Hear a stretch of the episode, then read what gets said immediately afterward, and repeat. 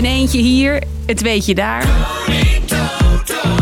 Weet je het beter, kom dan maar. Avondje poker achter je laptop of even een uurtje online blackjack. Zo'n 800.000 Nederlanders zitten op goksites. De meeste eigenlijk illegaal. Maar vanaf 1 oktober gaat het allemaal net even anders. De online gokmarkt is geopend. En tegelijkertijd gaan veel bedrijven en websites dicht. Ik ben Hilde en ik vertel je waarom jij voortaan op minder plekken gokjes kan wagen. Lang verhaal kort. Een podcast van NOS op 3 en 3FM. I see someone who's not just in for the money.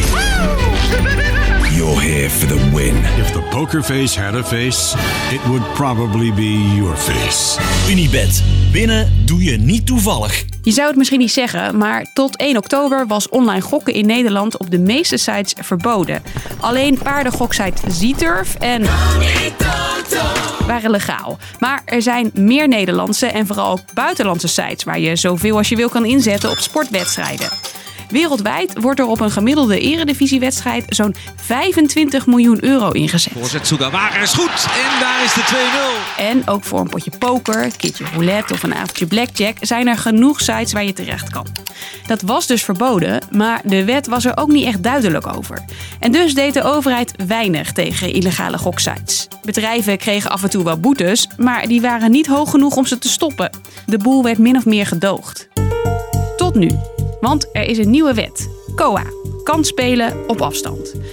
Die betekent dat online gokbedrijven in Nederland een vergunning nodig hebben. Je hoort mijn collega Nick van de economieredactie. De gedachte is, ja, laten we het mogelijk maken voor de mensen die het willen. Dan kunnen we het in ieder geval nog in de hand houden. En dan kan de staat er ook nog wat aan mee verdienen. Want die bedrijven moeten nu belasting gaan betalen over alles wat ze eh, binnenharken. Tien bedrijven hebben nu een vergunning gekregen om online gokken aan te bieden. Er zitten wel wat voorwaarden aan. De sites staan onder toezicht van de overheid en moeten in de gaten houden of jij wel een beetje verantwoord met je geld omgaat. De laatste keer had ik hier een tientje in gedaan. En toen won ik zeg maar 40 euro. Toch uh, 40 euro winst. Maar ja, dan ga je toch weer verspelen eigenlijk. Ook moeten de bedrijven checken of je wel 18 bent, niet te grote bedragen inzet en of je geen geld witwast of gokverslaafd bent. Ik heb er zat doorheen gedraaid. Als ik het uh, uh, moet omrekenen, ongeveer 500.000 euro. Online gokbedrijven gaan je dus extra in de gaten houden. Denk bijvoorbeeld als iemand altijd uh, op de dag speelt, of hij speelt een uurtje per dag en die gaat ineens 6 uur spelen, of hij gaat ineens van 50 euro naar 500 euro spelen, dan hangen wij eigenlijk direct aan de telefoon. Betekent dat er voor jou ook wat verandert. Als je online wil pokeren of een dartwedstrijd wil voorspellen, moet je verplicht een account aanmaken en je legitimeren. Ook kan je aangeven hoe lang en hoe vaak je wil spelen en hoeveel geld je maximaal wil uitgeven. Bedrijven die aan deze voorwaarden voldoen, kunnen dus een vergunning krijgen en mogen voortaan reclames uitzenden. Speltip 14. Weet waar je kansen liggen. De kansspelautoriteit, die het gokken in Nederland in de gaten houdt, hoopt met deze regels gokverslaving beter te kunnen aanpakken. En mensen kunnen nu niet meer worden opgelicht. Bedrijven die geen vergunning hebben of zich niet aan de regels houden, kunnen boetes van minimaal 600.000 euro krijgen. Niet iedereen is blij met die nieuwe wet. 29 bedrijven wilden zo'n vergunning hebben, maar een merendeel heeft die dus niet gehad.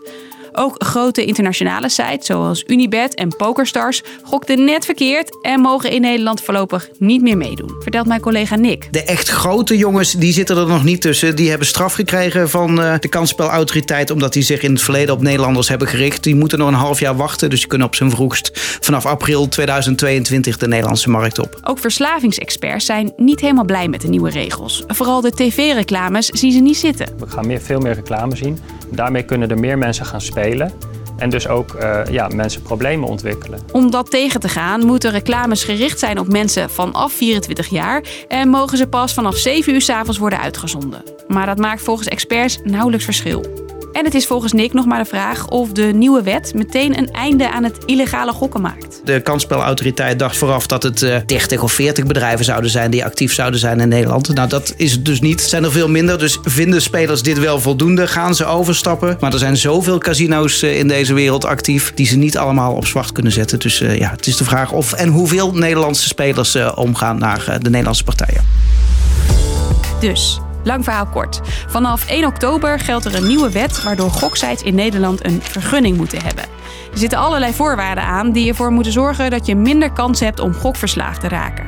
Critici zijn bang dat de wet gokken juist populairder maakt. En ook hebben pas 10 bedrijven een vergunning en het is nog maar de vraag of dat genoeg is om gokkers massaal bij de illegale sites weg te krijgen. Was hem weer voor nu. Op een nieuwe podcastaflevering hoef jij je geld niet in te zetten.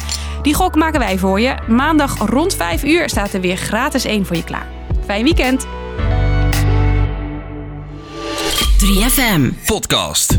Hey, hallo, ik ben Nelly Benner. En in de podcast Wat je niet leert, duik ik samen met mijn vrienden het diepe in aan de hand van dingen die je eigenlijk wel had willen leren. Zo leer je bijvoorbeeld die duivelse, jaloerse gevoelens uit te roeien en stelt Maxim Hartman duidelijke grenzen. Al gaat de relatie uit, al moet ik een dag de cel in, zal mijn scheid wezen.